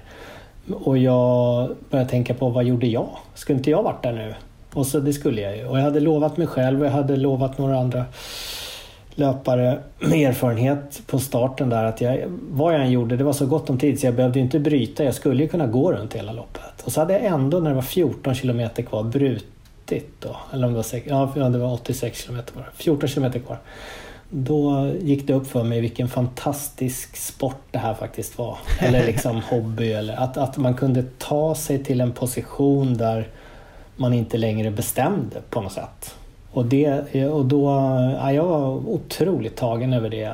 Att jag hade upptäckt ultralöpning och att jag var väldigt glad över att jag hade hittat det och lite sur att det var så sent i livet men ändå inte ändå liksom tacksam över att jag hade snubblat över det och att jag hade fått uppleva det. Så sen dess har jag inte brutit på det sättet i alla fall. Nej, just det. Vad skulle du sagt till dig själv idag om du fick eh, prata med dig själv där vid 83 kilometer strax innan du klev av? Vad skulle du, vad skulle du sagt då? Bit ihop. Nej, men det, var, det var inget fel på mig alls. Jag stod där och valde mellan bullar och vad det nu var, chokladbollar och så var det en, en farbror där som en snäll funktionär som bara, du behöver inte springa mer om du inte vill. Sätt dig i bilen så får du en filt så kör dig tillbaks. Och liksom det var, beslutet togs, det var, tog en tiondel sekund in i mitt huvud och så var, så, så var det beslutat bara. Det var ju för att jag inte förstod att, att uh, storheten var ju att fortsätta fast det kändes sådär på något sätt. Ja, härligt. Vi hoppar vidare, lopp nummer två. VM-brons i 24 timmars löpning 2017. Kom det några mentala svackor under det här loppet eller gick allt som tåget då? Nej, alltså det gick väldigt bra men, men det kom en svacka som var självförvållad.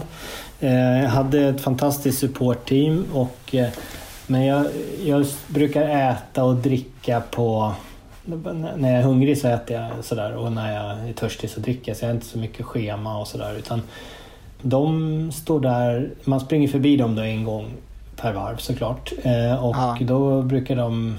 Det är inte så kul. Jag är inte så rolig att supporta för jag har liksom ingen... Ja, jag, brukar inte kräva så mycket, så, i alla fall inte där i början. Så då var det väl lite sådär att eh, vill ha, lite, vill ha något nästa varv och sådär. Och så ibland så sa jag ja och ibland så, nej det är bra. Eh, och, eh, men när det hade gått en lång stund, eh, säg kanske, jag kommer inte ihåg exakt nu, men 16-17 timmar så um, frågade vill du ha någonting? Och då så hade jag blivit så, då var jag inne i det här långtråkiga hu i huvudet. Och jag, liksom, det kändes som att det fanns ingen början, fanns ingen slut. Det bara var samma monotont, samma skit hela tiden.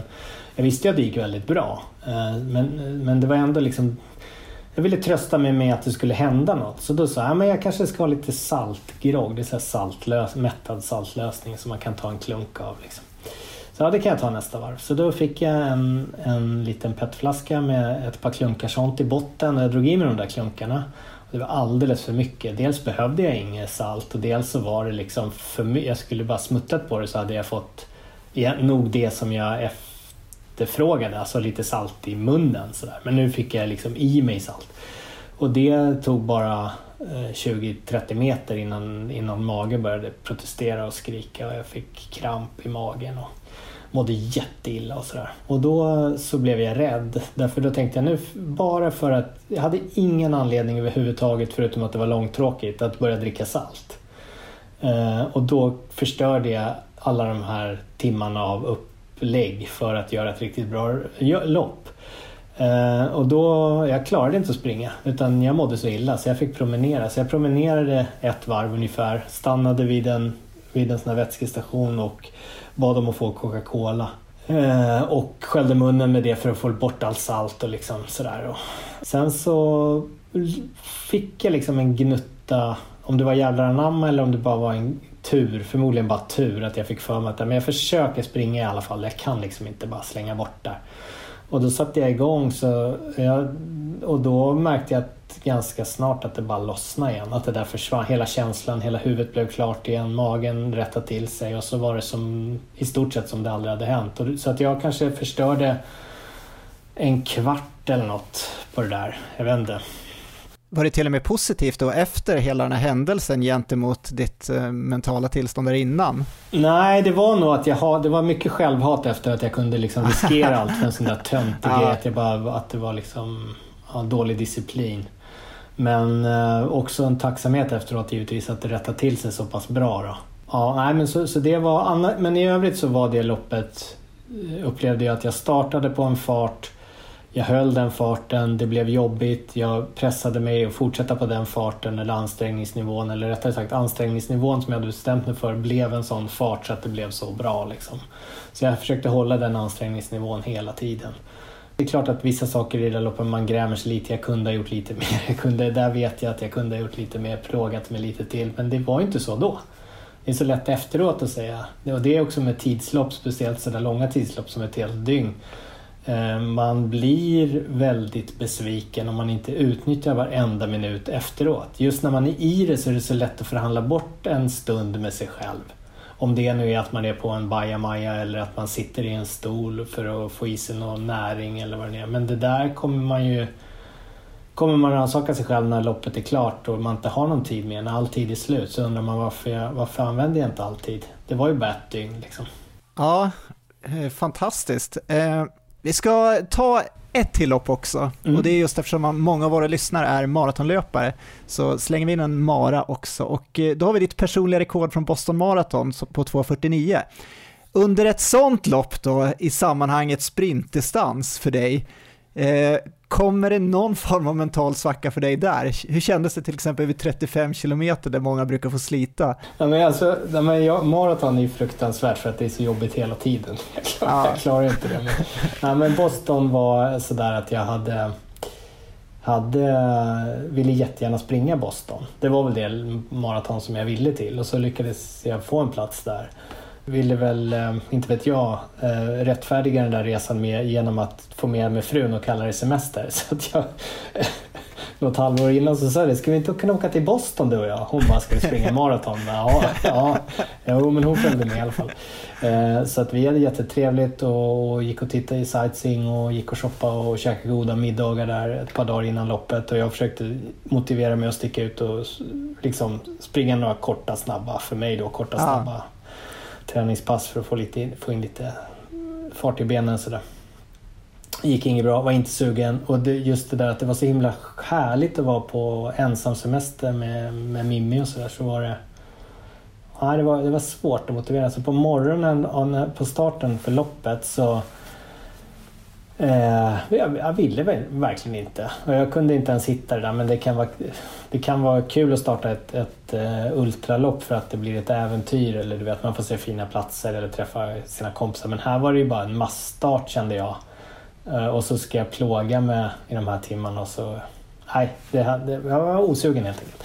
Så, men Mimmi skjutsade ut mig till starten och så hade jag fått uh, ett par fina solglasögon av henne som sån här 70-tals rock rock'n'roll. Eh, nej, de ser ut som stjärnor. Solglasögon som ser ut som stjärnor med glitter på. Så här stora. Jättefula och larviga men, men roliga sådär. Så de hade jag och så hade jag håret utsläppt och ett så här vanligt, eh, vanligt Björn Borg pannband. Så jag såg ut som jag var lite hämtad från ett annat sekel. Eh, och så hade jag hängt på mig, eh, nålat fast en svensk flagga på mitt eh, linne. Och så hade jag dagen innan köpt jättelätta fina Mitsuno-skor. De vägde väl 86 gram eller något sånt. Det är bara som, det är som ett eh, vad heter det, hushållspapper i de där skorna bara. De är helt fantastiska. Så jag hade de där skorna och eh, såg ut sådär och gick i startfallen och så ska du springa i de där skorna? Det går Jo, de är helt fantastiska. De är supersnabba så det där kommer aldrig gå. Och då blev det också lite, då väckte väl just den där kommentaren om att det går inte att springa maraton i sådana där skor. Så då blev det lite såhär, men vad tusan, det är klart det går. Då, vill jag, då vart det lite sån där, ah, jag ska visa. Eh, inte så mycket så, men lite så.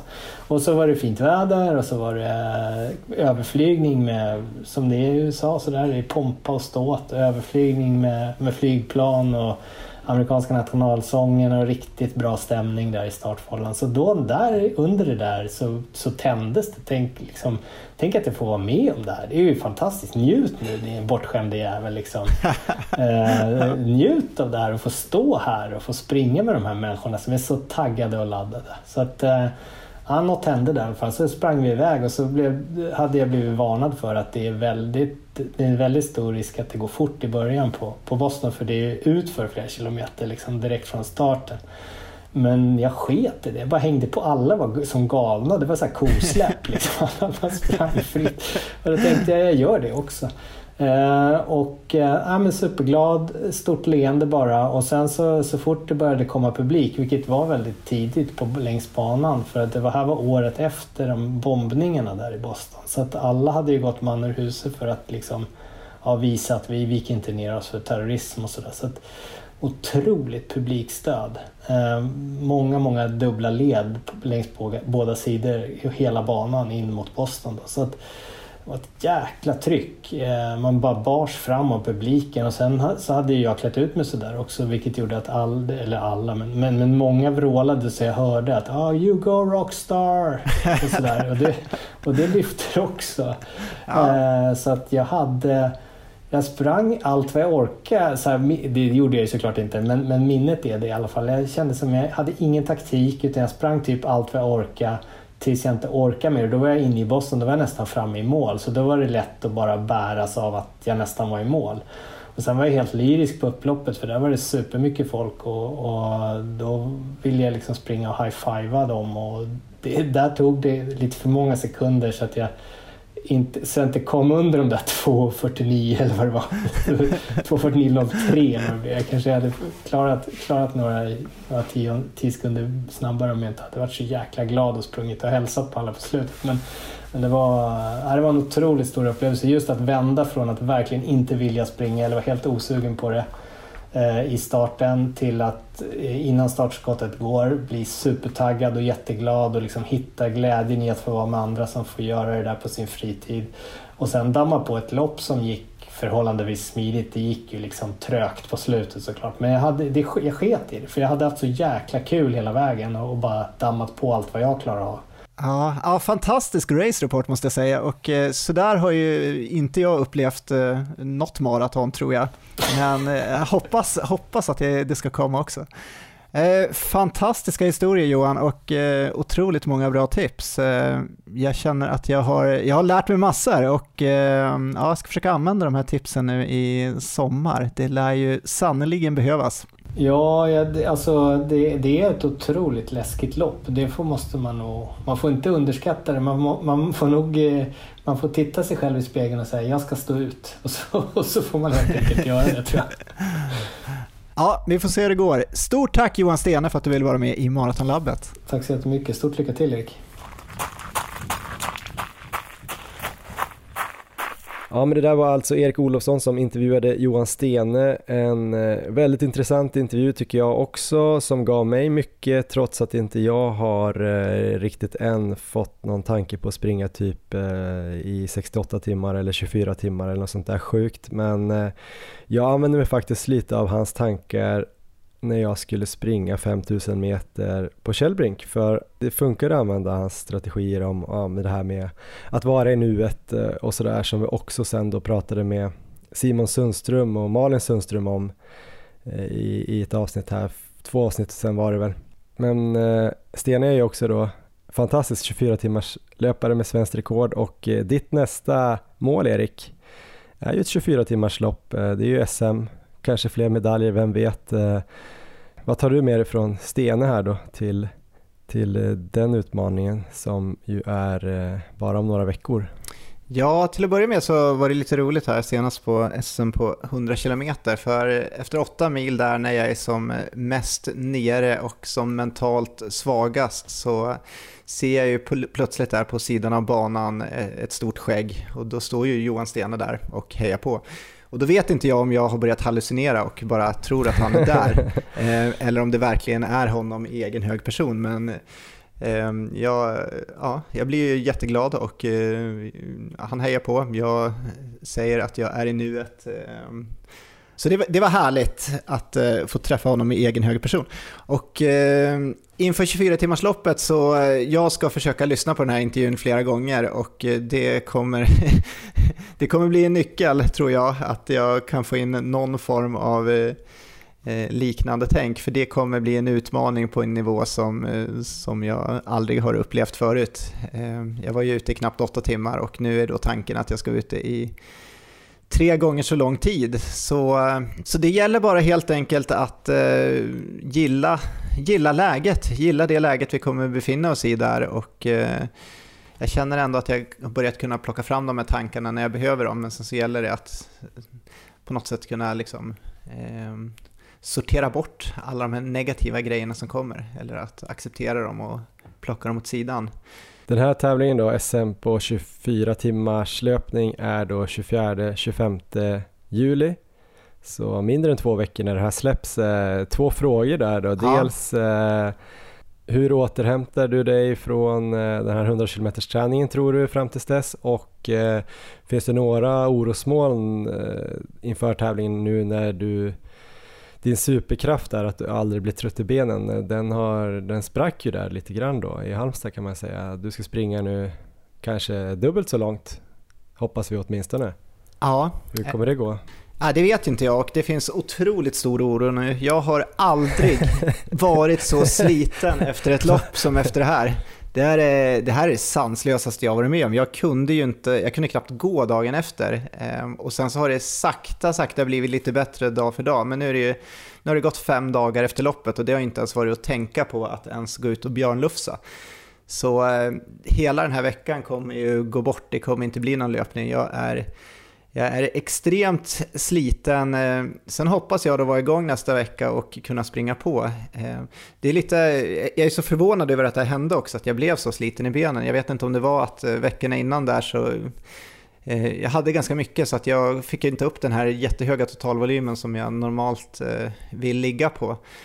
Ehm, och det kommer jag inte kunna göra nu heller till 24-timmarsloppet. Det känns som att helst skulle jag vilja köra en maratonvecka, typ två veckor innan, bara för att vänja mig med att springa jättemycket. För ehm, det funkade, rent muskulärt så kände jag inte att det funkade bra här på SM på 100 km och eh, den grejen kommer bli jätteviktig här på 24 timmars.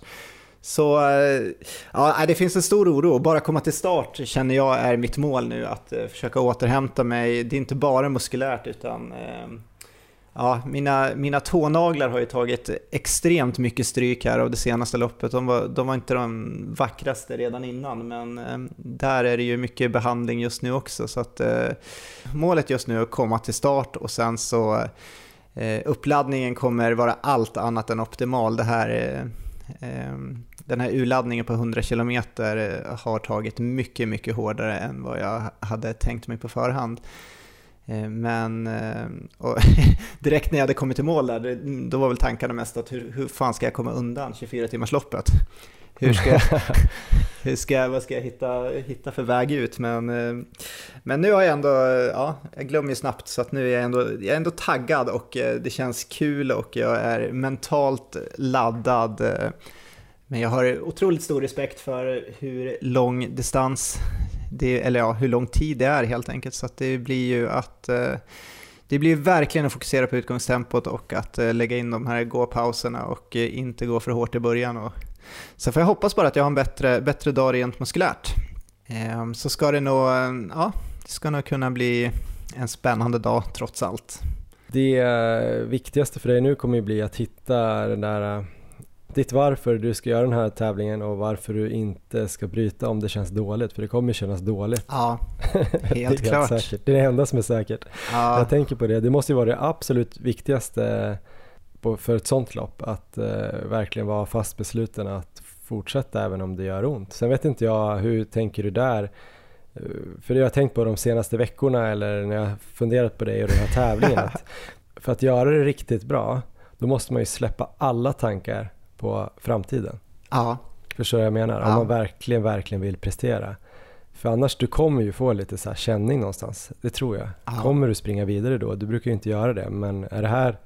Det här har ju varit ditt stora, stora mål ja. hela våren. Kommer du liksom kunna tänka att du springer igenom smärta också? För jag antar att det kommer komma smärta. Sen blir det svårt för dig att avgöra där och då om det är en allvarlig smärta eller om det bara är hjärnan som på något sätt spelar dig ett spratt. Liksom för att kunna springa 20-25 mil, då måste du ju vara totalt dedikerad.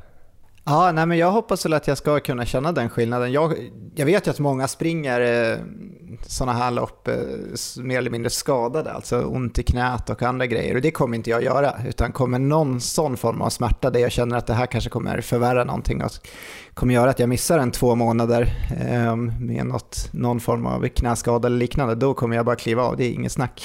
Ehm, och jag hoppas väl ändå att jag ska kunna göra den bedömningen där ute, att jag vet vad, vad som är bara stela ben och vad som är någonting som skulle eh, kunna vara en skada långt framöver. Men jag skulle vara, eh, bryter jag för att eh, jag bara är trött eller muskulärt sliten och sådär, så då kommer jag vara otroligt besviken på mig själv. Så det, det ska inte få hända, men jag kommer, jag kommer inte springa skadad, så mycket kan jag säga. Kommer Marie följa med som support dit också eller? Ja, precis. Så att eh, där känner jag mig 100% trygg. Ehm, den, den biten känns ju eh, väldigt bra. Så får vi se det. Jag har ju hört här att under ett 24 timmars lopp så är man kanske inte världens trevligaste person så vi får se eh, om, det är, om det är sista loppet hon supportar mig på eller om jag kan hålla uppe humöret. Men det är inte bara jag som ska göra spännande saker framöver. Får vi höra lite om vad som väntar för dig nu kommande veckor Johan? Ja, lite snabbt då för vi måste verkligen sluta här för jag måste åka och göra ett sånt här PCR-test i, i Uppsala Uh, och det ska jag göra då för att jag ska åka till Japan och vi måste ta två sådana här test då sista 96 timmarna inför avresa. Jag ska alltså åka då till, eh, till OS och jobba och jag åker redan på måndag till svenskarnas förläger då i Fukuoka. Det är väl en del av truppen som åker dit redan nu, de som tävlar i början av OS som ju startar här eh, 23 juli är det väl invigning. Så jag kommer vara i Fukuoka och jobba där och sen kommer jag åka upp till Tokyo. Jag tror att det är i samband med invigningen och sen kommer jag jobba där under hela, hela mästerskapen då. Så jag kommer till slut nu bli borta fyra veckor. Oj! Vilket ju känns eh, kul och inspirerande jobbmässigt och eh, spännande att få se Japan. Sen får vi väl se då hur det blir med olika restriktioner och så, hur mycket man kan röra sig där vi får göra det bästa av det helt enkelt. Eh, jag hoppas det blir bra när man väl är på plats. Sen känns det ju jättetråkigt att, att inte få vara med Emma och Elmer här på fyra veckor. Det, det känns ju sjukt. Jag har inte riktigt eh, förstått hur det ska gå än. Men eh, jag antar att jag får mycket tid med dem resten av livet hoppas jag. jag förstår. Eh, otroligt inspirerande och så. Hur kommer träningsmöjligheterna för dig vara där nere? På förhand så känns det väldigt ovisst hur jag kommer kunna sköta min träning. Dels hur mycket tid jag kommer ha Alltså det brukar bli ganska mycket jobb på de här mästerskapen. Eh, jag utgår från att jag kommer jobba varje dag. Eh, sen får vi väl se om det blir 8, 10 eller 12 eller 15 timmar. Men eh, jag är ju sån så att jag tycker ju att det vore rimligt att eh, man får hålla igång kroppen. För jag mår ju bättre då, jag kommer jobba bättre. Så jag får väl lobba för det om det är någon som tycker annorlunda. Men eh, sen är det ju det här med om man får röra sig hur man vill och gå på gym eller gå på hotellgymmet eller om man får gå ut och springa eller sådär. Det är lite oklart. Jag hörde någonting om att man inte får springa ute i Tokyo nu när det har varit nödläge och jag får se hur det kommer se ut där när vi kommer dit. Sen ska det också vara väldigt, väldigt varmt och hög luftfuktighet. Kanske inte ens vill gå ut och springa. Men det kan bli bra värmeträning. Men vi får se om det blir någon löpband historia eller om Just det blir att jag får göra liksom höga knän i sängen på hotellrummet typ en timme och sen burpees eller något. Vad tror du? Har du något tips? Ja, men eh, du får återgå till det här gamla knepet med kettlebells. Köra fyra veckors eh, kettlebell-utmaning. Just det, om jag kanske inte kan ta med mig en kettlebell, men om det finns någon där på gymmet, eller så köper jag en bara i Japan. Ja, vi får väl se. Du hade ju någon bekant som eh, fastnade i Peru var det väl under Just det. under lockdown i Peru på, uppe i Machu Picchu eller vad det var som sprang upp och ner i eh, hotelltrapporna för att hålla sig i form. Så vi får se det, kolla på Strava om jag har väldigt märkliga rötter där. där heter jag Johan Forsstedt och du heter Erik Olofsson. Så där måste man ju följa hur du, om du kommer igång här med träningen nästa vecka. Det lär ju komma ett pass från eh, Skövde framöver i alla fall. På eh, ja, förhoppningsvis 24 timmar. Det dyker upp där. Just det, och sen finns vi också då på Instagram där vi heter Maratonlabbet. Eh, kolla där då så får vi väl se om eh, det kommer någon träningsbild från Japan eller inte. Jag tänker också att eh, nästa avsnitt kommer ju förhoppningsvis om två veckor. Sen får vi väl se om det blir exakt tisdag eller sådär. Det beror ju lite på, ditt lopp tar ju slut där på söndagen. Och så får vi det. se när man får kontakt med dig efter det loppet. Och sen eh, har väl jag en hel del att göra antar jag. Så att, eh, men vi siktar väl på att komma ut eh, om två veckor igen. Men om det blir eh, någon dag sent så, så får ni väl eh, får vi väl hoppas att ni är dagvilla så här under sommarsemestern. Så att, eh, men vi kommer den veckan i alla fall. Vi måste ju få höra hur det gick på 24 timmar som inte annat. Så du ska ha ett stort eh, lycka till Erik. Eh, Skövde blir fantastiskt. Eh, du får se det som en stor, eh, ett stort äventyr, stor utmaning. Det ska jag göra. Tack så mycket Johan och trevlig resa till Japan. Sayonara, arigato.